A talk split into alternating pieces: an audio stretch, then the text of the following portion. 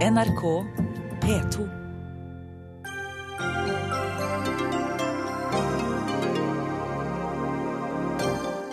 Thomas Quick, kjent som Sveriges verste seriemorder, har ikke tatt livet av noen. Det slo svensk domstol fast i dag. Alt har gått galt i denne saken, sier norsk rettspsykolog. Kristin Halvorsen vil vurdere regelverket for å hindre massemorderen Anders Behring Breivik i å ta høyere utdanning. Det bør hun ikke gjøre, sier advokat. Høyreskolen med karakterer på barnetrinnet hemmer læringen, sier kunnskapsministeren. Erna vinner ikke denne kampen uten sverdslag, truer Knut Arild Hareide. Og Bradley Manning kan få over 100 år i fengsel for å ha lekket 700 000 dokumenter. Gi mannen fredsprisen, sier SV. Han er en forræder, hevder Frp.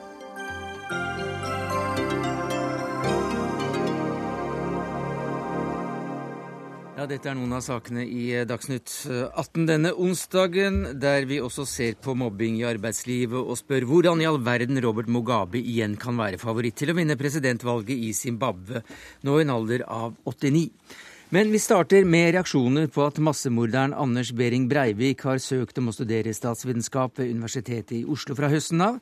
I går varslet som kjent kunnskapsminister Kristin Halvorsen at hun og Justisdepartementet vil vurdere endringer i lovverket for å stanse massemorderens planer.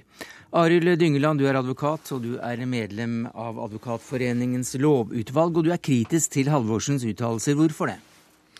Det er to hovedgrunner til det. Den ene er premissen eh, som hun tok i det intervjuet som jeg eh, så i går, om at dette er en person som aldri skal ut. Det er en vurdering som en politiker ikke kan gjøre. Den hører til domstolene, og det er en risikovurdering som skal gjøres når eh, tiden for det kommer, eh, og det er ganske mange år til.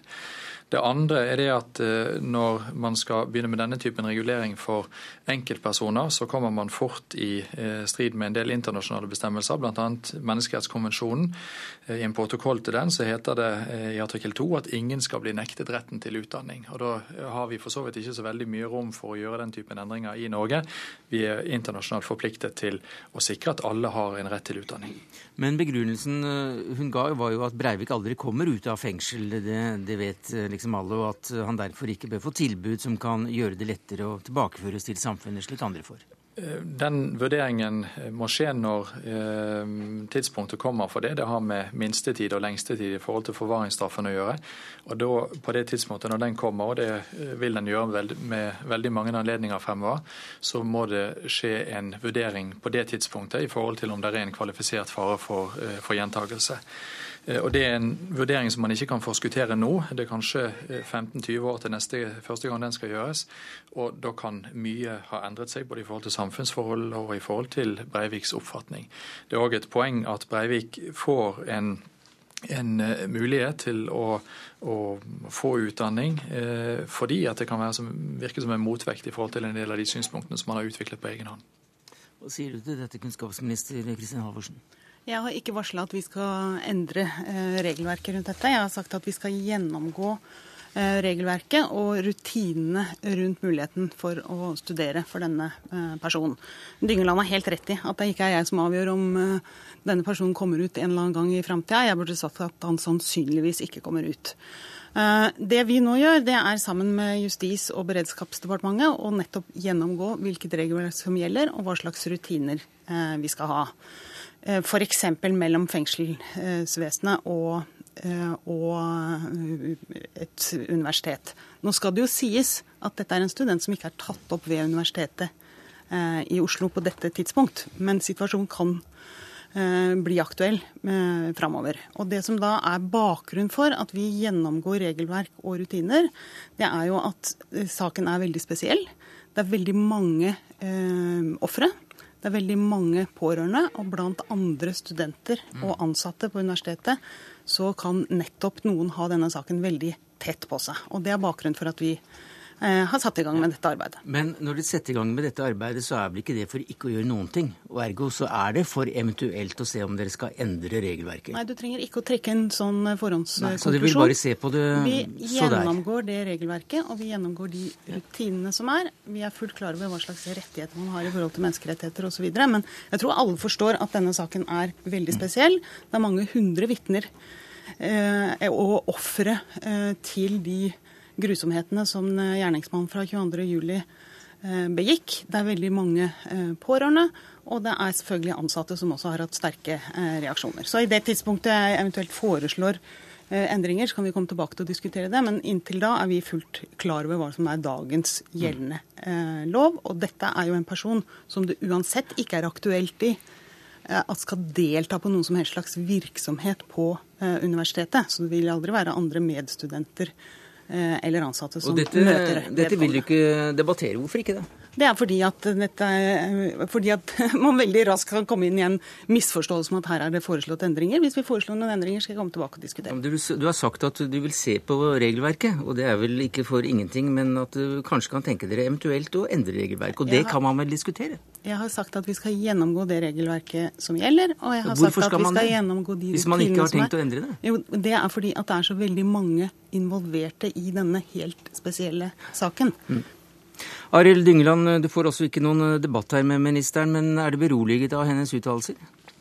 Eh, ja, jeg er jo for så vidt det, fordi at man er inne på eh, et alminnelig spor i forhold til hvordan man skal gjøre denne typen vurderinger, nemlig å tenke seg om før man uttaler, eh, uttaler seg. Og så er det viktig å, å, ta med det som Halvorsen her gjør òg, at, at uh, dette skal skje fra fengselet. Jeg vil tilføye én ting til her òg, at Breivik er underlagt ganske sterke begrensninger i forhold til kontakt med andre innsatte i fengselet. Og Da er det med utdanning, det med å tilegne seg kunnskap og bruke tid på det, et av de alternativene som man kan bruke i forhold til å skape, hverdag, eh, skape et innhold i hverdagen for han. Eh, og det er man òg forpliktet til å gjøre. Ja, for eh, advokaten Lippestad han kalte jo dette opp mot grensen til, til tortur, Halvorsen. Jo, men det er jo en misforståelse hvis han tror at jeg har foreslått noen endringer i dette. Det jeg har sagt, er at vi skal gjennomgå regelverket og rutinene. Per Anders Langerød, du er selv statsviter og du er Utøya-overlevende. Hva sier du til om Anders Behring Breivik eh, bør nektes å, å studere ved Universitetet i Oslo statsvitenskap? Jeg tror Det er veldig vanskelig å konkludere, men for det første vil jeg si at det er jo klart at det er skremmende når det kommer så tett på. Mm. Både mitt eget studie og det jeg opplevde som et veldig trygt sted å være eh, etter 22.07. Eh, og jeg skjønner at veldig mange reagerer på det. Men det er ikke veldig viktig for meg at han på død og liv skal nektes å lese bøker og ta et eh, nettstudium. Ehm, for det, kan være positive fordeler ved å nettopp delta i akademia. Eh, gjøre det på vår måte hvis han skal få de studiepengene som han ønsker seg. Sette seg ned, diskutere eh, og dra konklusjoner, begrunne. Og hvis man ikke har gode begrunnelser, så må man endre standpunkt. Faren her er også at man kan gjennom en så aktiv tilværelse som debattant og med høyreekstreme meninger som Anders Behring Breivik har vært, så kan det være at han kan legitimere standpunktene sine ytterligere ved å si at man er statsviter eller har gått på universitetet. Og det er noe vi må være klar over. Og det er også en viktig debatt som jeg syns vi ikke skal overlate til jussen heller. For det er litt sånn, Hvis en 85 år gammel mann begynner på et legestudie og okkuperer plassen til en 20-åring, hva er den beste bruken av samfunnets ressurser da? Er det på en som har tatt en del valg, som man da automatisk mister en del rettigheter? Eller er det da å ha prinsippet om at alle skal ha utdanning? Så jeg mener at vi går litt unna en del debatter her som også handler om politikk og ressursbruk, eh, som jeg gjerne skulle sett debattert. Men det får vi eventuelt ta en annen gang, for akkurat nå snakker vi altså om denne meget, meget spesielle situasjonen. Eh, og, og hvilke argumenter ser du for at eh, en person, en massemorder, ikke bør slippes inn på et universitet, eller ikke bør få ta eksamen, få følge undervisningen om så enn på nett? Nei, hvis det, hvis det, skaper for mye eh, bry, eh, hvis det skaper en, eh, en, uholdbar situasjon for ansatte, for studenter For mange så kan det være støtende at navnet dukker opp på en liste. Eh, det finnes folk som må sitte og rette prøvene, og det kan være 100 grunner som ikke vi vet, til at dette oppleves ubehagelig, og som, som gjør det vanskelig for mange studenter og ansatte og berørte. Så det er det ene. Eh, men det andre er at det er en veldig fin tanke at hvem som helst kan studere og spesielt innsatte, så ikke de står der med to Rimi-poser i hendene når de kommer ut av fengselet. Men det her er en så spesiell situasjon at det støtter veldig Kristin Halvorsen i at man skal se nærmere på det. Jeg kjenner ikke til Menneskerettighetskonvensjonen opp mot de sikkerhetsvurderingene som gjøres, men eh, ja, jeg syns det er vanskelig å si klart ja eller nei. Takk skal du ha, Arild Dyngeland, advokat og medlem av Advokatforeningens lovutvalg fra Bergen. Og til deg, Per Anders Langerød, statsviter og overlevende fra Utøya. Kristin Halvorsen, vi bør deg sitte litt til.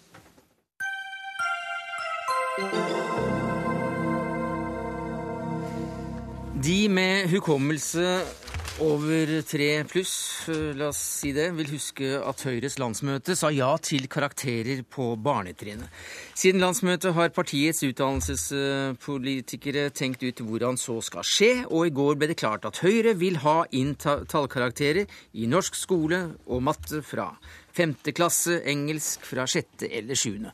I dag kommer reaksjonene, og du sier til Dagens Næringsliv at Høyre med dette vil hemme læringen. Kristin Halvorsen, kunnskapsminister fremdeles i SV. Hvordan begrunner du det? Det er fordi at vi vet at særlig de yngste barna lett henger seg opp i en eh, tallkarakter, blir veldig opptatt av den og ikke legge merke til de eh, vurderingene og tilbakemeldingene som det nå er blitt jobba veldig systematisk med i norsk skole de senere årene. Vurdering for læring det er nettopp å gi elevene tydelige og gode tilbakemeldinger. Hva er det du mestrer? Hvordan skal du jobbe for å mestre mer og lære mer? Eh, og det fins ingen gode faglige begrunnelser for å innføre tallkarakterer eh, i barneskolen. Dette er rent prinsipprytteri fra Høyre. Det er imot lærernes anbefalinger. Det er imot forskning. Eh, og det er ingenting som norske lærere og norsk skole skulle trenge å kaste bort tid på. Hva sier du til det, Elisabeth Aspaker, som utdanningspolitisk talskvinne for Høyre? Nei, Det aller viktigste å si, å si er at karakterene skal komme i tillegg, altså et supplement til den andre vurderinga som gjøres i skolen i dag. Eh, og Jeg har OECD med meg, for altså, jeg kan sitere fra Kristin Halvorsens egen stortingsmelding hvor hun viser til at OECD påpeker at det er de forskjellene som er i vurdering mellom barnetrinn og ungdomstrinn, skaper unødvendige store forandringer i elevene sitt liv, og at det er viktig at de får eh, klarere tilbakemelding på hvor de står faglig før de skal ta skrittet over i ungdomsskolen. Det står ikke i OECDs rapport eller anbefalinger eh, til eh, Norge og norsk utdanningspolitikk at man skal innføre tallkarakterer på barnetrinnet. Jeg sitter med den foran meg her. Eh, og Høyre har ingen mulighet til å dekke seg bak den rapporten. Jo, Kristin Halvorsen, I rapporten fra OECD så står det allerede på barnetrinnet bør elevene få en forståelse av hva som forventes av dem, og de må få en innføring i hva tallkarakterer betyr. Og Av det utleder vi at hvis man ikke mener at man skal legge et ark foran elevene og si at her står det en skala fra 1 til 6, hvis det er det man mener, så må man på en måte si det. Men vi mener at det må bety at elevene faktisk skal få noen av sine større arbeider vurdert faktisk med karakterer, sånn at de skjønner hva som kreves og forventes av dem. Halvorsen, du får nesten gjøre oss ferdig med den OECD-rapporten. Ja, Det står veldig tydelig i denne rapporten at det er viktig med vurderinger og tilbakemeldinger til elevene. Også men at det ikke det, nei, i konklusjonen her så står det ikke at eh, det er tall, at det er en anbefaling å innføre tallkarakterer. Ikke, det, ikke, konklusjonen, men kanskje et annet sted? Det her er det heller ingen internasjonal forskning som gir godt uh, grunnlag for. Og det er jo veldig merkelig at når Høyre alltid ellers på, uh, påviser og viser til hvor viktig det er å ha Eh, respekt for læreren, respekt for, eh, for, den profesjonen som de utøver, at de overhodet ikke legger vekt på det lærer, eh, lærerne sjøl anbefaler i denne saken. For det er vel riktig at lærerne syns ikke dette er en strålende idé, Aspaker? Nei, men det er ganske mange foreldre og ganske mange elever som trenger å få en tydeligere tilbakemelding. Og nå er vi jo opptatt av at man gjør mye klokt og bra i Finland. Og i Finland er jo f.eks. et land som supplere sine skriftlige vurderinger også med karakterer til elevene i visse fag på, på, eh, allerede i barneskolen. Og jeg har lyst til å si til Kristin Halvorsen altså, at Vi har store utfordringer i norsk skole i dag. Vi vet at mange elever trenger å jobbe mer. Vi vet at mange, veldig, mange sliter i overgangen til ungdomsskolen. Vi vet at vi trenger å drive et bedre tilpassa opplæring tidligere. Og Da vil også en tydeliggjøring i form av karakterer i basisfagene være viktig informasjon til de lærerne som overtar elevene i 8. klasse. Aspaker, du skal få en motstander til deg, for eh, Knut Arild Hareide, lederen i Kristelig Folkeparti, kom løpende inn her litt for sent i timen. Du skal få slippe å sitte igjen. Men du sier til Dagens Næringsliv faktisk at eh, du overhodet ikke vil gi deg denne saken mot Høyre uten sverdslag. Hvorfor det? Nei, for det er jo ingen grunn eh, for å gi seg på den saken. Ja, det er noen utfordringer i norsk skole, men å tro at tallkarakterer i barneskolen er med på å løse de utfordringene, det er i beste fall godtroende, og det er mot det som fagekspertisen sier på, på dette grunnlaget. Det som er viktig for elevene, er å få en god eh, tilbakemelding. Eh, I dag har jeg vært og spilt fotball med Kristin Halvorsen som min trener på Norway Cup. For siden sånn, Hun satte meg på benken. Det var en tydelig tilbakemelding. Han fikk vann. Det var en tydelig tilbakemelding. Og jeg tror Hvis vi ser på de barna som går i barneskolen, så er det viktig at de får en kontinuerlig tilbakemelding. Vi vet at eh, skal de forbedre seg, så er det den indre motivasjonen som er noe av det aller, aller viktigste. Og ja, vi har noen utfordringer i norsk skole, men det er altså ikke tallkarakterer i barneskolen som er med på, på å løse det. Så skal vi òg være klar over at ja, norsk skole har noen utfordringer, men det er noen ting vi òg er veldig gode på. Vi er veldig gode på det å skape et godt samhold, et godt samarbeid. Eh, og på et eller annet stadium så er det riktig at barna våre skal få tallkarakterer. Men, men det er ikke i barneskolen. Det er, mener jeg, et godt grunnlag å gjøre det på, eh, på nettopp eh, på ungdomsskolen. Du skal ha en modenhet for å kunne ta imot det. Eh, Vi ønsker ikke den type rangeringer mellom elevene. Vi ønsker å ha gode læringsmiljø der de er motiverte, der vi opplever at alle som er i skolen, opplever mestring på noen områder. Eh, Og da tror jeg at eh, vi skal ikke glemme å kalle det danningsperspektivet inn i skolen. Og da Kan vi er det dannet helt selv om feil. du får en karakter. Ja, men det er helt feil å starte med karakterer i barnetrinnet. Mm. Det er å misforstå de utfordringene vi har i skolen. Aspaker. Nei, altså, jeg er helt enig med Knut Arild i at det er utrolig viktig å få til gode og solide tilbakemeldinger og vurderinger til elevene. Men det er altså sånn at OECD har påpekt at vi har noen utfordringer med overgang til ungdomsskolen. Og I dag er det altså sånn at elevene går fra å ha ingen karakterer til å ha karakterer i alle fag over natta eller over sommeren mellom 7. og 8. klasse. Og poenget til Høyre er at vi trenger å gi noen tydeligere tilbakemeldinger hvor man står faglig, at man kan ta tak i seg selv, og sånn at vi kan få til best mulig tilpasset opplæring fra start på ungdomsskolen. Ja, men På et eller annet tidspunkt så må jo elevene tilvenne seg det å få en karakter. Hvorfor ikke 5. og 6. klasse? Ja, fordi jeg tror at modningsperspektivet er langt bedre å gjøre det i 8., 9. og 10. klasse. Så det er klart at den overgangen må- må vi gi. Men så er det, det er en klokskap blant lærerne. Det gis jo en tilbakemelding eh, som er tydeligere, lettere å forstå, og i 7. trinn. Men ønsker vi at rangeringsbehovet allerede skal være der i 5. klasse? Ønsker Høyre Der elevene er 10 og 11 år. Det mener jeg er galt. Jeg mener vi må gjøre det når elevene har et modningsnivå til å forstå dette. Og så må vi jobbe med den indre motivasjonen når barna er yngre. Det snakkes en del om modningsnivå, at femteklassinger er rett og slett for små, Aspaker. Ja, men vet du hva? Jeg skjønner ikke at norske femteklassinger skal være så mye mer svake og, og dårlige til å kunne ta imot sånne her type tilbakemeldinger. Det finske unger er på samme, på samme alderstrinn. Og Uansett hva Knut her sier, så har vi altså tilbakemeldinger fra OECD som påpeker at vi har noen utfordringer på dette området. Og da har Høyre ment at i to fag fra femte klasse, altså norsk og matematikk, og supplert med engelsk før overgangen til ungdomsskolen, at det er eh, klokt å gjøre. Ja, nå har jeg bare lyst til å si til Knut Arild, kom til meg. Jeg er helt enig med deg. Eh, og særlig det du, eh, som du påpeker som dreier seg om den indre motivasjonen og forståelsen og mestring. Det er jo nettopp det som det nå jobbes veldig systematisk med i norsk skole, og med dette som vi kaller for vurdering for læring, som nettopp skal gi elever tilbakemeldinger som de vokser på, og som gjør at de forstår det de holder på med, og forstår hvordan de sjøl lærer og vet hva de skal eh, strekke seg etter. Eh, Og Derfor har vi også veldig god framgang i norsk skole. Vi har jo veldig gode resultater og god framgang nå når vi sammenligner norske elever med, med elever ellers. Og norske tiåringer er bedre enn finske tiåringer i matematikk.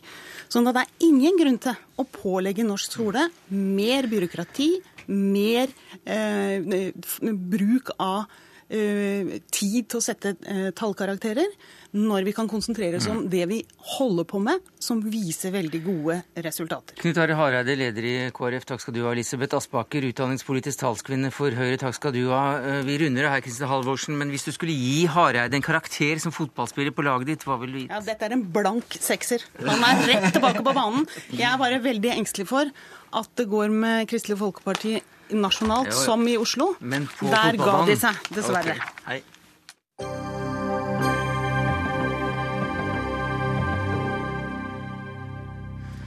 Ja, I dag ble altså Sture Bergwall, bedre kjent og fryktet som Thomas Quick, renvasket for alle de åtte drapene han tidligere er dømt for. Ja, det er en oerhörd lettelse. Det har jo vært en lang, utdragen lesningsprosess med en del märkliga turer fra eh, justitieråd andre. andra. Eh, det, er, altså, en veldig befrielse. Uhørt skjønt.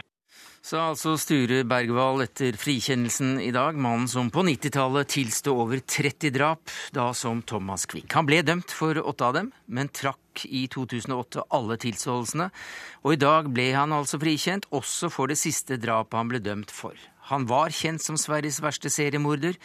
I framtiden vil navnet forbindes med det som nå omtales som den største nordiske rettsskandalen noensinne. Og Pål Grøndal, du er psykologspesialist ved Kompetansesenteret for sikkerhets-, fengsels- og rettspsykiatri ved Oslo universitetssykehus. Erfaren rettspsykolog. Hvordan er dette mulig? Det er mulig fordi veldig mange krefter samspilte og alt gikk gærent. Eh, vi har eh, med å gjøre en person som er veldig psykologisk og psykisk forstyrret, som da blir lagt inn på denne seter. I en tid hvor man trodde at hvis man bare kunne løfte fram de gjemte traumatiske minnene, så vil man finne liksom årsaken til alle problemer, psykiske problemer. Og jo verre minner, jo bedre var det. Og så på den måten så, så blir det et samspill mellom Bergvall og terapeuten på seter, den rettspsykiatriske klinikken han var lagt inn. Han ble dømt for et sånn knivdrap, eller han ble dømt for et bankran. Terapeuten blir interessert i han, og han i terapeuten. Og jo mer han da begynner å lekke fram at han har forferdelige barndomsminner, og han har blitt seksuelt uh, forgrepet uh, av faren sin, og moren hans hatet ham, sa han, jo mer interessert blir denne terapeuten. Så får han mer medikamenter. Og så tilstår han mer og mer, og parallelt med at han tilstår, så får han også medikamenter så blir det jo en sak for etterforskere som også går i den fella som vi kaller bekreftelsesfella. De ser etter alt det som stemmer, og så ser de bort ifra alt det som ikke stemmer. Og dermed så er balletten i gang. Og at Bergwall, Kvikk som han da het, tilstår mer og mer og mer. Og i dag er det jo veldig lett for oss å si at dette er jo helt fantastisk at dette kunne skje. Men det skjer altså pga. samspill terapeut-pasient som blir på en måte interessert i hverandre. Terapeutene har det jo helt fantastisk. Tenk å sitte og få innblikk i en massemorders syke på denne måten. Etterforskerne løser drap etter drap. De har til og med en egen sporhund som går inn i alle saker. Til og med bikkja er vel interessert i dette her. Så har man også eh, samme aktor i disse drapssakene. Og så har man kanskje en, også en passiv forsvarer som, som, som, som, bare legger til grunn at det Bergvall sier, er riktig. Mathias Gjøransson, du er journalist, og du er redaktør også for avdøde Hannes Råstams bok 'Thomas Quick at skapa en serie mørdare'. Og denne boka, skrevet etter Ramstams dokumentar, var ifølge Riksåklageren avgjørende for å få Quick-sakene gjenåpnet. Hva sier du i dag, når domstolen altså har frikjent Bergvall? Til å begynne med vil jeg gi en eloge til denne sammenfatningen som vi fikk av den norske experten. Det var en väldigt fin sammanfattning eh, som jag skriver under på alla sätt. Och det var en sammanfattning som vi ännu inte har fått av någon svensk psykologisk expert för de har fortfarande svårt att prata om det här. Det kanske krävs att man ser det från lite avstånd och från Norge. Så, så tack för den, den var lysande. Eh, vad, vad, säger jag om detta? Det man kan säga är väl att eh, när de här dokumentärerna... Alltså Hannes Råstam tittade på det här 2008 började han. Och i slutet av 2008 så sände han två dokumentärfilmer som eh, slog fast att väldigt stor del av bevisningen omöjligen kunde hålla. Och i de här filmerna så tog också Sture då tillbaka sina erkännanden och sa jag är oskyldig. Eh, sedan 2008 i december har väldigt många människor och alla som satt in i saken förstått att han är oskyldig. Sen är det så olyckligt i Sverige att vi, vi har inget resningsinstitut som man har i Norge. Utan eh, åklagare och, och rättsväsendet tar hand om resningsärenden på ledig tid. Och då har det tagit hela fem år sedan eh, det, här avslöjades att det var rättsskandal till att systemet slutligen har gått igenom alla ärenden och själva har dragit samma slutsats som journalisterna gjorde.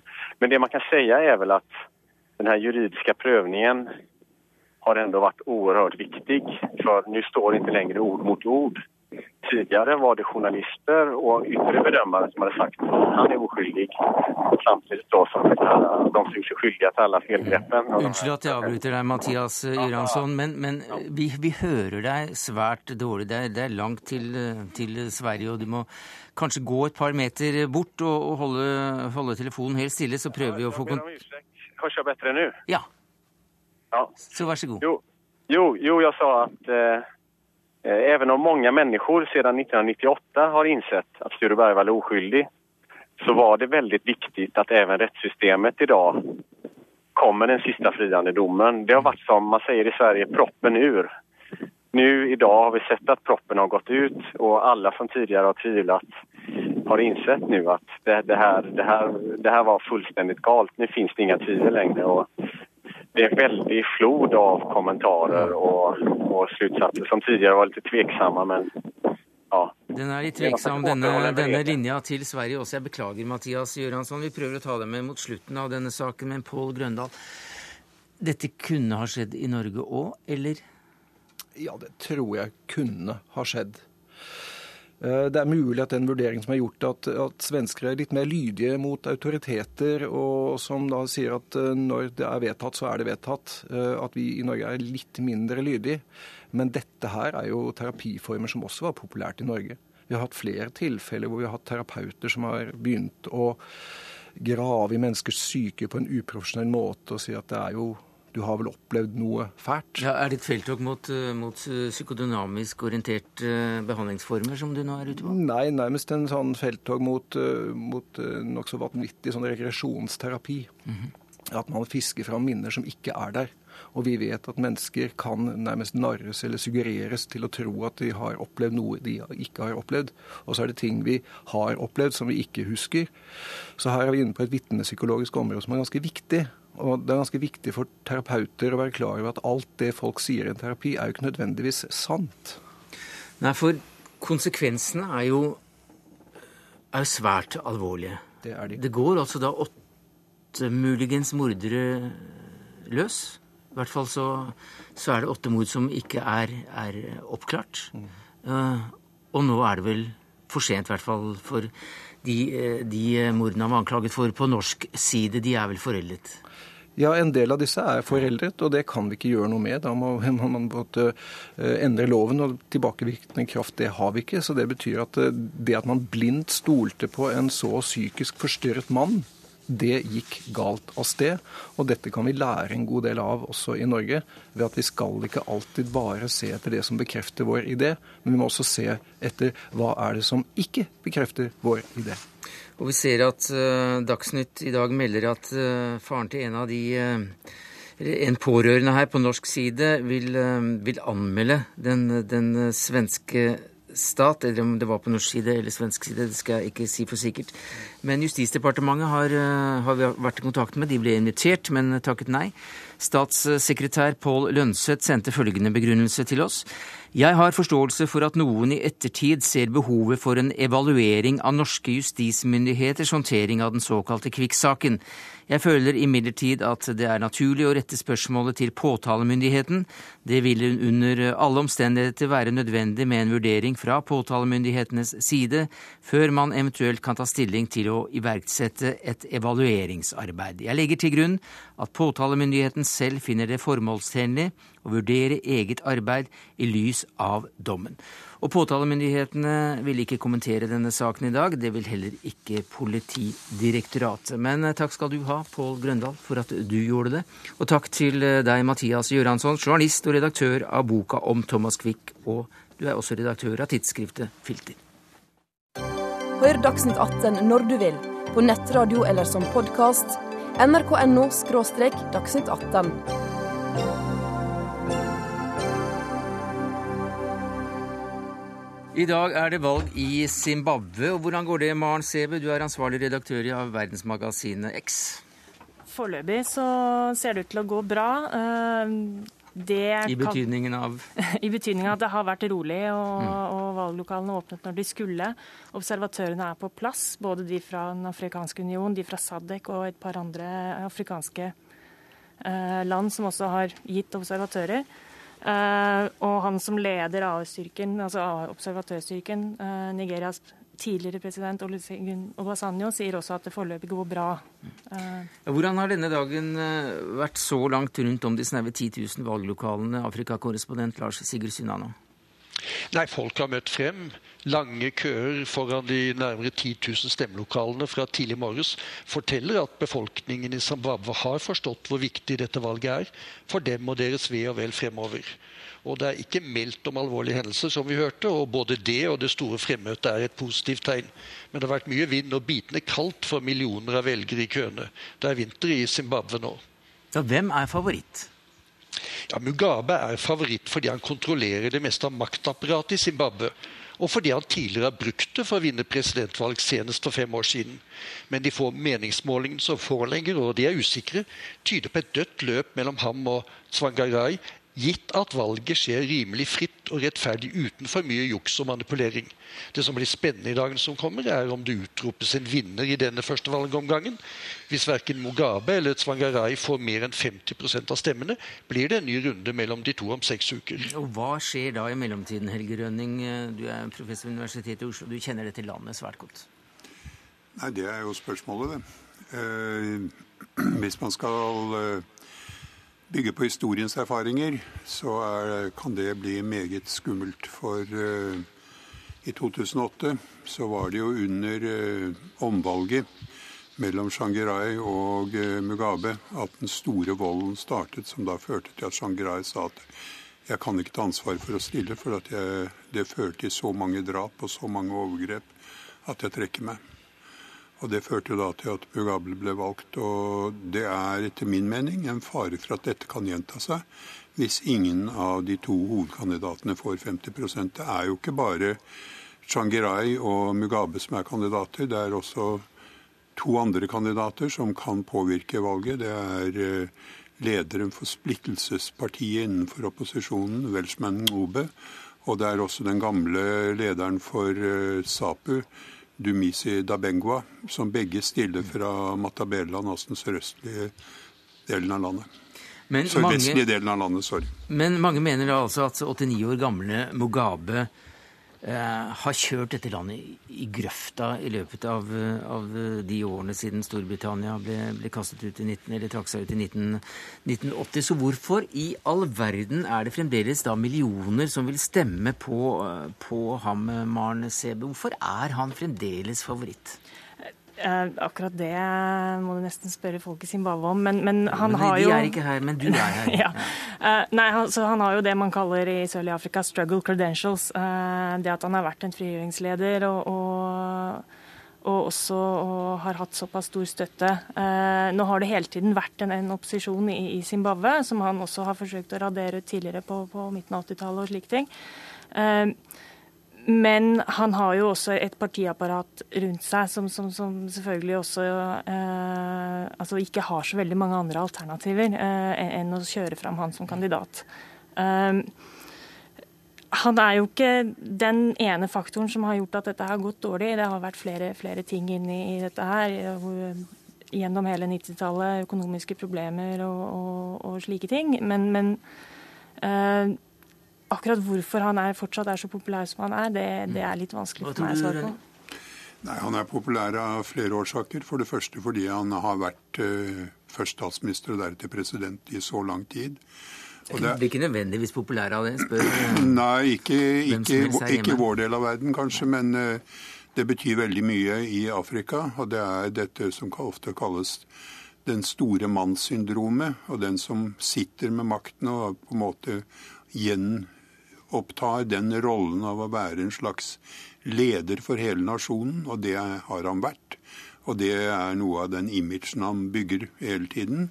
Og i tillegg så er det klart at det er en splittelse i eh, Zimbabwe mellom på den ene siden de unge som nå har, ikke har opplevd annet enn det selvstendige Zimbabwe, og som er, eh, bor i byene, og de eldre som bor på landsbygda. Og splittelsen mellom by og land er en veldig sterk dimensjon i forhold til valget nå. hvor det ventes at landsbygda vil stemme for SANU PF, mens byene vil stemme for, eh, for opposisjonen og MDC. Men er det noe særlig forskjell på disse partiene? Altså, men rent politisk går det an å sammenligne det med, med konfliktlinjer, altså med akser høyre-venstre, eller Nei, det er, det stammer og Det er ikke noe med, særlig med stammer å gjøre i Zimbabwe. Eh, det er noen etniske motsetninger, men det er ikke det dominerende. Nei, forskjellene er eh, delvis i forhold til synet på Eh, presidentens makt. Eh, det har med synet på partiets makt. Det har i hvor da SANU PF og Mugabe er tilhenger av en veldig sterk sentralmakt koblet opp mot partiet, mens MDC vil ha en mer delt makt mellom parlamentet og presidenten, og at partiet ikke skal ha den samme innflytelsen. Det kalles ofte denne typen systemer som de har i Zimbabwe, det kalles partokratier. Dvs. Si at partiet er dominerende, og det er en form for hybridregimer mellom det å være et demokrati og være et diktatur. Og det er derfor slikt at de har valg, men valgene i slike systemer er ikke til for å endre systemet, endre makthaverne. Det er for å bekrefte makthavernes makt. Og Det er det som har vært rollen til eh, SANU PF hele tiden. Det er å sørge for at de beholder makten. Men samtidig så sier jo Mugabe var det går eller i dag at eh, ja, hvis han eh, taper valget, så går han selvfølgelig og avtrekker seg frivillig. Det er ikke noe tvil om det. Eller er det det? Han har jo sagt det, men jeg, altså, eh, det virker jo som han er relativt eh, eller Sanu er relativt sikker på sin egen seier. Det er for så vidt, ja, mm. partiet, det er for så vidt MDC også, og det i seg sjøl kan jo være litt skummelt. Men eh, han gjorde det jo ikke eh, sist, når han ikke klarte eh, ja, for I forrige omgang så vant også faktisk Van Guray. Han fikk flest stemmer for, eh, for fem år siden? Det, det, var jo ikke klart. De måtte jo gå til en ny runde, og da, da trakk jo Svangerei seg pga. den. I første runde, I første runde så, så, så, fikk han flest stemmer. Uh, og, og, det gjør jo at det er altså sånn hvor mye man skal vektlegge akkurat hva, hva Mugabe sier. Han sier jo også at hvis han vinner nå, så vil han sitte hele, sin, altså hele neste periode på fem år. Dvs. Si at han vil være 94 år når han går av. Uh, Mens gjennomsnittsalderen i landet går ned, så han er jo et lite paradoks. Ja, blir jo da mm. mer enn dobbelt så gammel som de aller fleste. Eh, Bana Jukvas, er det en eh, Baba. Baba Jukvas er en, en, eh, en, kar som heter Hvis han er en, en, mann i det hele tatt, for man vet ikke hvem det er. Men han spiller en viss rolle som, som forfatter av en Facebook-side. Hva er dette for noe? Det er en Facebook-side som har fått veldig mange følge, støtter i Zimbabwe. 140 000? 140 000. Han påstår at han er, tilhører den indre krets i SANU PF, og at han har vært med i SANU PF siden eh, kampen mot britene. Eh, og at han har også avslørt en del av de indre overveiningene som foregår innenfor partiet i forhold til valget. Og han har lekket dette, og det har eh, hvorvidt dette er en person eller om dette er rykter som brukes av annen, eh, et annet pseudonym, det vet vi ikke. Men hva slags rykter, eller hva er det han sprer? Han sprer bl.a. rykter om eh, forsøkene på valgfusk som er planlagt innad i dette. Og det er nok rykter og muligheter som absolutt er til stede. Det gjelder manipuleringen av velgerregistrene. Det gjelder Det var noen som sier at det er flere døde enn levende på disse registrene over velgere i, i Zimbabwe. Så han, han er godt så godt informert at presidenten har lovet en belønning på 300 000 dollar for den som kan uh, fakke ham. Men han, han har da også forutsagt et mord, eller i hvert fall et dødsfall, som ja, og, ja, og det er også slik at uh, veldig mange av disse tingene er også rykter du vil finne andre steder utenfor hans mm. Facebook-side. Det skal heller ikke underslås at det, i løpet av denne valgkampen og opptakten til dette valget, så har det vært veldig mange andre som har brukt de sosiale mediene til å spre rykter, til å debattere hva som foregår. Så sosiale medier for første gang kanskje betyr også noe i et, uh, et viktig valg i Zimbabwe? Det gjør det, og, men det betyr noe spesielt da for den befolkningen som bor i byene, og de unge og de som har adgang til nettet. Og det er ikke flertallet av Zimbabwes befolkning. Men på grunnlag av det som sies der, så sprer det seg jo rykter, og det ene fortelles etter det andre. Og det er noe av det som gjør at ledelsen i SANU PF frykter denne typen kommunikasjon. Maren Sebe, til slutt, blir det noe forandring i landet for folk flest hvis Morgan Tsvangirai vinner og Mugabe taper? Nå har det jo vært eh, en viss opphenting siden 2008 økonomisk. Eh, og, og sånn sett så er man Takket være kineserne? Nei, det er jo flere faktorer inni der. Eh, SAN UPF vil jo si at det bl.a. skyldes deres indigeniseringspolitikk, eh, mens mange vil si at det skjer på tross av det. Altså Det er en politikk hvor, hvor man skal ha lokal eierskap i, i alle selskaper osv. Eh, hvis, hvis, MDC vinner valget, og hvis Sangerai faktisk blir president uten at det blir noe mer vold, eh, så, så, kan man jo håpe på at man, man eh, starter en prosess hvor man, man får tilbake en del sivile rettigheter, hvor det blir lettere å, å, å, å, både jobbe som journalist og være student, og, og at man får en reell politisk, eh, større politisk Og da får du kanskje igjen innreise, for du er nektet uh, i, i Jeg har vel ikke prøvd på noen år. Takk skal du ha, Maren Sebe, ansvarlig redaktør i verdensmagasinet X, Helge Rønning, professor ved Institutt for medier og kommunikasjon ved Universitetet i Oslo, og deg som eh, Afrikakorrespondent, Lars Sigurd Sunnano.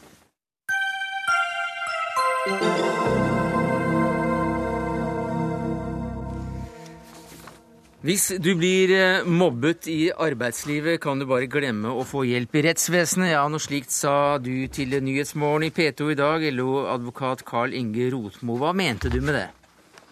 Ja, eh, vi ser jo at eh, det er ganske få mobbesaker som kommer til, rettssystemet, og det er også få saker som ender med at den som hevder seg mobba, vinner fram med sitt krav. Eh, og dette er jo eh, sammensatte problemer, men det er jo alvorlige problemer for de som utsettes for mobbing. Men det er sammensatt. Og den første barrieren som en som vil prøve en mobbesak for retten møter, det er jo kravet til bevis. Eh, det er jo den som da hevder seg mobba, som, som har bevisbyrden. Ja, Så må det vel være? Ja, si det.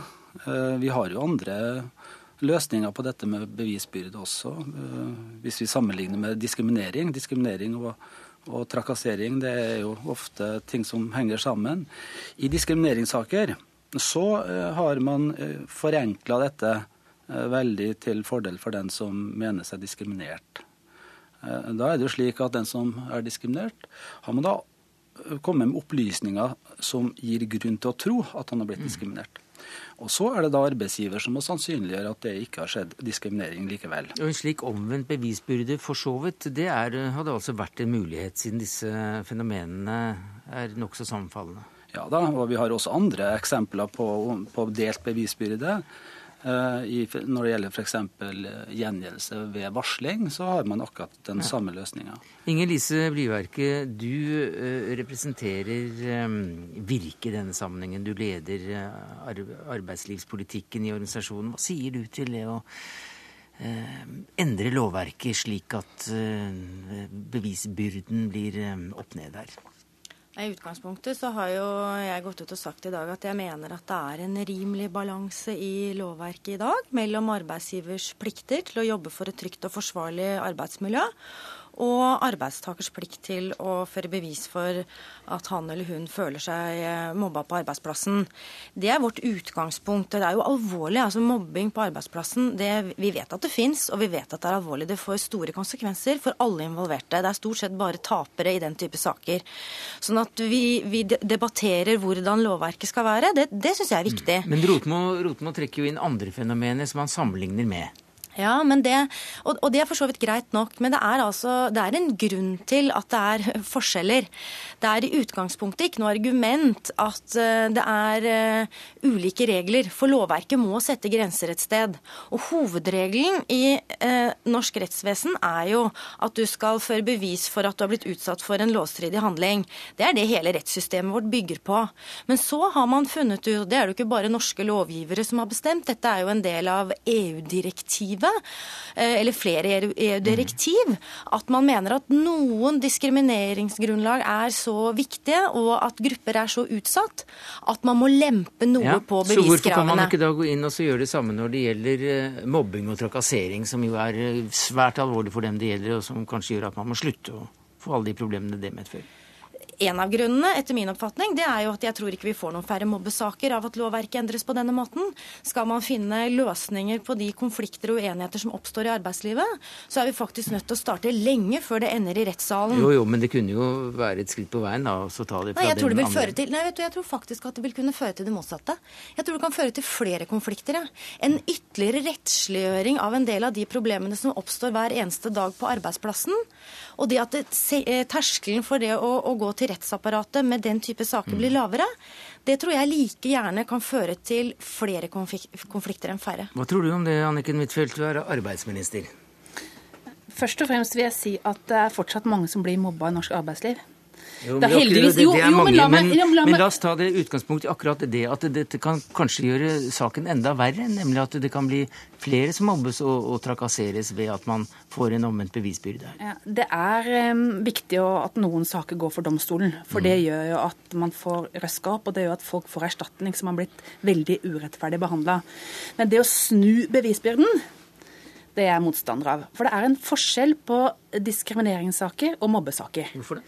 Si at du um, føler deg diskriminert av NRK-sjefen. Eh, Det er bare damer som får jobb i NRK, og du mener at han diskriminerer menn. Da kan du ved en ansettelse eller et spørsmål om lønn, da kan NRK-sjefen legge fram dok- dokumentasjon som, hvor han kan vise at jeg mener at uh, du ikke er diskriminert. Så det handler mer om lønn og ansettelser. I mobbesaker så er det helt andre form for bevis. Da må du si at han behandler meg dårlig i korridoren, han snakker til meg på en nedlatende måte. Så at bevisbyrden i den type saker er helt annerledes. Så Derfor så mener jeg at det er en stor forskjell på mobbesaker og diskrimineringssaker. Og jeg tror det kommer til å føre til økte konflikter. Og jeg syns det er galt at arbeidsgivere skal eh, legge fram bevis på de, at de ikke har mobba. Og derfor så er det heller ikke sånn at LO går inn for dette. Men det, det gjør du, Rotmar. Det er i hvert fall tanker som kommer ganske høyt opp her. Ja, det, det jeg har sagt, er jo at hvis man skal styrke rettsvernet for de som opplever seg mo eh, trakassert og mobba, så kunne man sett på bevisbyrdeløsningen. Eh, Og vi har jo det paradokset at i de tilfellene hvor eh, trakasseringen tar form av en diskriminering, altså at trakasseringen går på de som har diskrimineringsvern pga. kjønn, rase osv., så, så, så får jo de, eh, har jo de en forenkla vei. Men trakassering er det jo uansett. Sånn at det er dårlig samsvar eh, i, i lovverket her.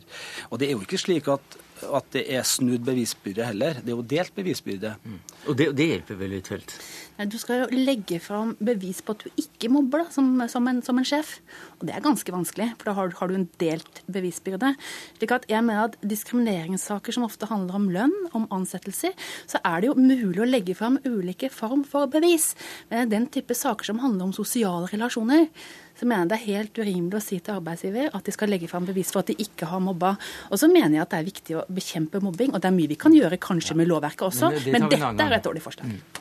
Men eh, altså, vi har jo ikke noe eksempel på at fordi at man har delt bevisbyrde i diskrimineringssaker, så har det blitt flere konflikter rundt diskriminering på arbeidsplassen. Så det er ingen slik automatikk i det.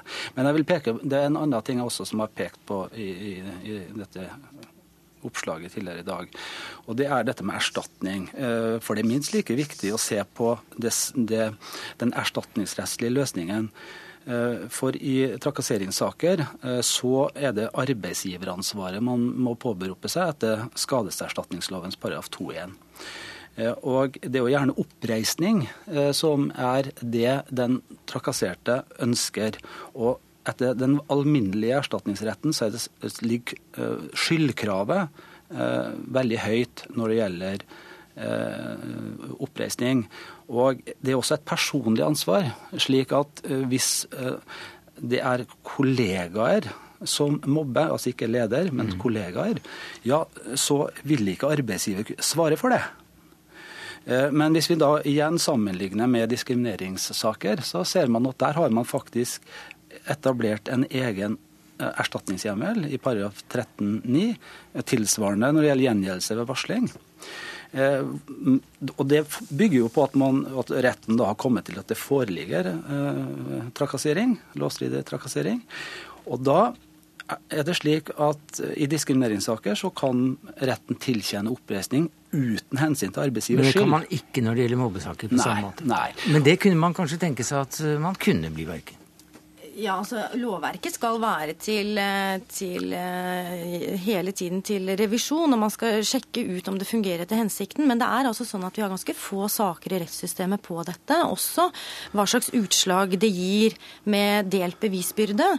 Og når det er sånn at vi har en hovedregel, så skal vi være ganske forsiktige med å snu det og gjøre hovedregelen til unntaket og særregelen til hovedregel. Når de ligner Når vi- såpass mye på hverandre som Rotmo det- Rotmo eh, jo, fører men, til men du kan finne stadig nye områder som ligner på og ligne på og ligne på, og så har vi plutselig endt opp med å snu hele rettsprinsippet på hodet. Og det er det, mener vi, ingen grunn til. Altså norsk arbeidsliv, må, Det som altså er en, en følge av den type diskusjoner, kan bli at vi tror at norsk arbeidsliv egentlig er et forferdelig sted å være, og det er det jo ikke. Vi har jo undersøkelser som viser at ni av ti stortrives på jobb. Åtte av ti er faktisk glad når mandagen kommer, for da kan de gå på jobb igjen. Altså Vi har et arbeidsmiljø som i utgangspunktet legger til rette for at folk har det bra. Men det er for mange som mobbes. Det er, altså, Enhver som mobber seg en for mye. Det er vi jo enige om, og Derfor så har vi jo også ganske sterke regler og plikter for arbeidsgiver i lovverket. Rotmo, du får ikke noe eh, åtgaum for eh, denne ideen her i studio på Marienlyst. Takk for at eh, du var med så langt. Takk til Anniken Huitfeldt, arbeidsminister, og Inger Lise Blyverke, leder for arbeidslivspolitikk i Virke.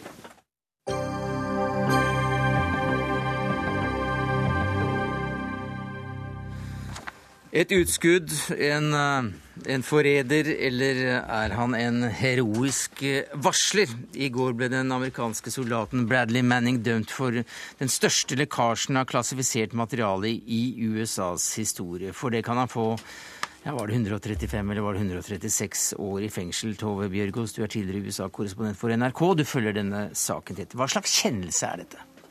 Det er eh, en kjennelse der han er blitt frikjent på den mest alvorlige anklagen om at han har levert eh, At han har hjulpet USAs fiender, Al Qaida, direkte gjennom å lekke disse 700 000 dokumentene som han lekket til eh, Wikileaks.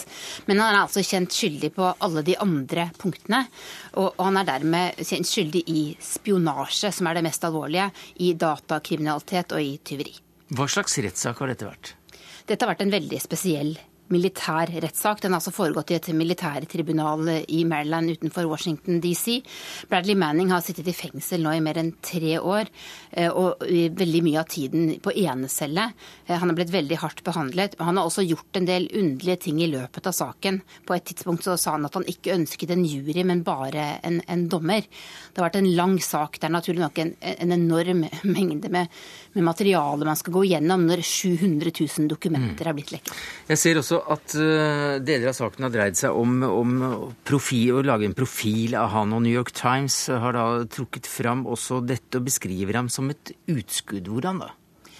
Bradley Manning er en ung, misforstått eh, mann, vil jeg si. Han er fra Oklahoma.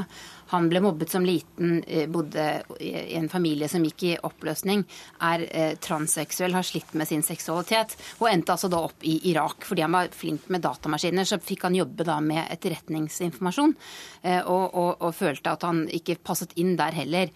Og så fant han da sin, sin misjon, som var å, å, forsøke å, å finne, altså å bruke all den informasjonen han hadde tilgang til, til å på en måte ta et oppgjør med, med, med alt det han var misfornøyd med med det amerikanske samfunnet. Og dette er mann som du vil gi fredsprisen, Snorre Valen, stortingsrepresentant for SV. Eh, Ja, det er det. Det er fordi jeg mener at Bradley Manning har avslørt mye viktig. Han har avdekka tortur og fengsling av uskyldige og folkerettslige droneangrep og drap på journalister osv. osv. Og veldig mange av de forbrytelsene som Manning har avdekka, det er jo forbrytelser som vi ikke ellers ville kunne vite om. Og det er jo varslerens natur. Og derfor syns jeg det er veldig alvorlig at eh, Obama-administrasjonen i USA bruker gamle spionlover veldig mye mer aggressivt mot lekkasjer til media enn det noen annen amerikansk regjering har gjort tidligere.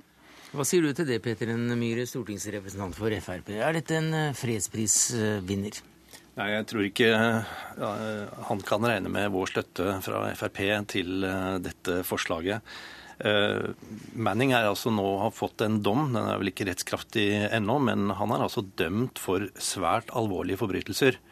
Eh, Det jeg syns er merkelig med denne saken, det er at Manning har altså valgt Han har hatt en, en stilling, en høyt betrodd stilling i det amerikanske forsvaret, og så har han kommet eh, over eh, en database med noe uhorvelig mengde med informasjon. Og så velger han altså å pøse ut tre kvart million rapporter og dokumenter til Wikileaks uten, å, uten at han altså, Ingen kan vel i, i fullt alvor tro at han har lest alle disse 720 000 rapportene. Eh, så han, ha, han har jo hatt flaks som ikke er blitt dømt for å ha informert fienden på en måte som skader USA. Så, så dette, hadde han i stedet valgt ett dokument og sagt hvorfor skal dette uh, hemmeligholdes, Hvorfor kan man ikke ha åpenhet rundt de forholdene som beskrives i dette dokumentet? Da kunne man kanskje eh, ha fått eh, litt troverdighet, men her er det altså forholdet mellom Manning og Wikileaks antagelig som er det mest mm. viktige. Eh, ikke det, og, ikke, ikke, det forholdet at han, han, står frem som varsler, for det gjør han ikke. Dette er ikke en varslersak. Dette er en sak som dreier seg om, som Bjørgaas også var inne på, at han har spionert, og han har begått et tyveri mm. og dataforbrytelser i USA. En forræder. Ja, det må man jo kunne si. Altså, andre vil si han er en vulgær, simpel forbryter. Eh, og det er nok ikke helt skivebom. Valen? Ja, Det hadde jo vært interessant å høre hva Peter N. Og Frp mener om Edward Snowden, for han har jo vært veldig bevisst på akkurat hva han har lekka. Jeg har ikke hørt de store ovasjonene fra Fremskrittspartiet om Edward Snowden heller. Det den saken her dreier seg om, er vernet varslere som avslører alvorlige ting skal ha. Og mange amerikanske medier er med rette veldig bekymra nå, fordi man straffer mennesker som lekker informasjon som er viktig for hele offentligheten. Jeg mener det er mer alvorlig å drive tortur og fengsle uskyldige og drive folkerettslige angrep mm. og drepe journalister enn å være den som avslører det. Det mener jeg. Myhre, eh, Myhre må nesten svare på det. Ja, ja, ja, Et øyeblikk, Myhre må svare her. Ja, altså, øh, hvis, altså, jeg tror Valen og jeg først og fremst må bli enige om én ting. Og det er at enkelte dokumenter, enkelte typer informasjon, må hemmeligholdes. Eh, av hensyn til rikets sikkerhet, av hensyn til, eh, til at informasjonen på avveie kan føre til at menneskeliv går tapt. Det tror jeg dere er enige om. Eh, jeg tror vi må si oss være enig i det. Og så kommer altså Manning og bare pøser ut alt sammen. La oss tenke oss at det hadde vært en medarbeider i den militære etterretningstjenesten i Norge som hadde gitt seg til å ta alt som var av Eh, dokumenter som er unntatt offentlighet i den militære E-tjenesten, og pøs dette ut. Den regjeringen som Snorre Valen støtter, ville øyeblikkelig reagert via det norske rettsvesenet og fått vedkommende dømt.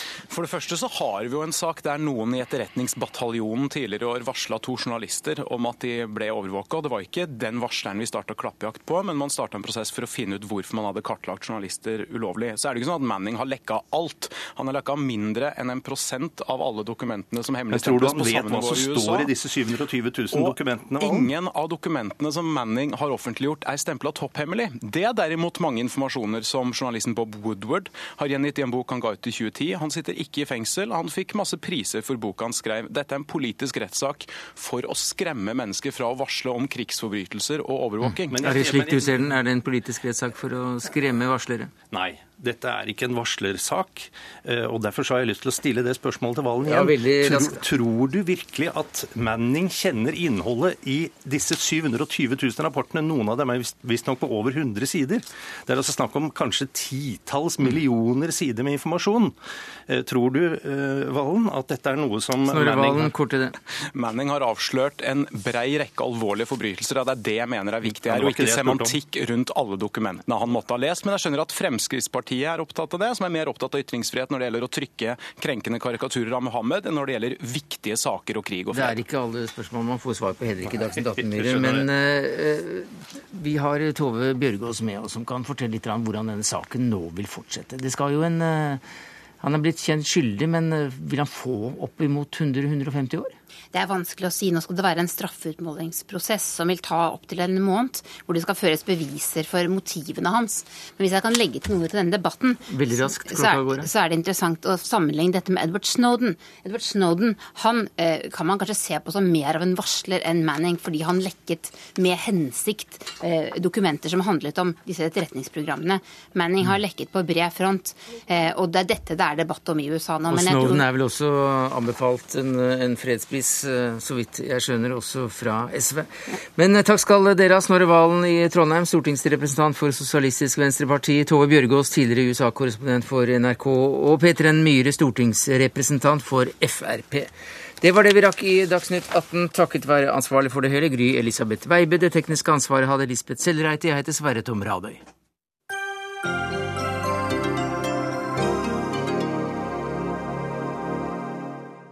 Hør flere podkaster på nrk.no podkast.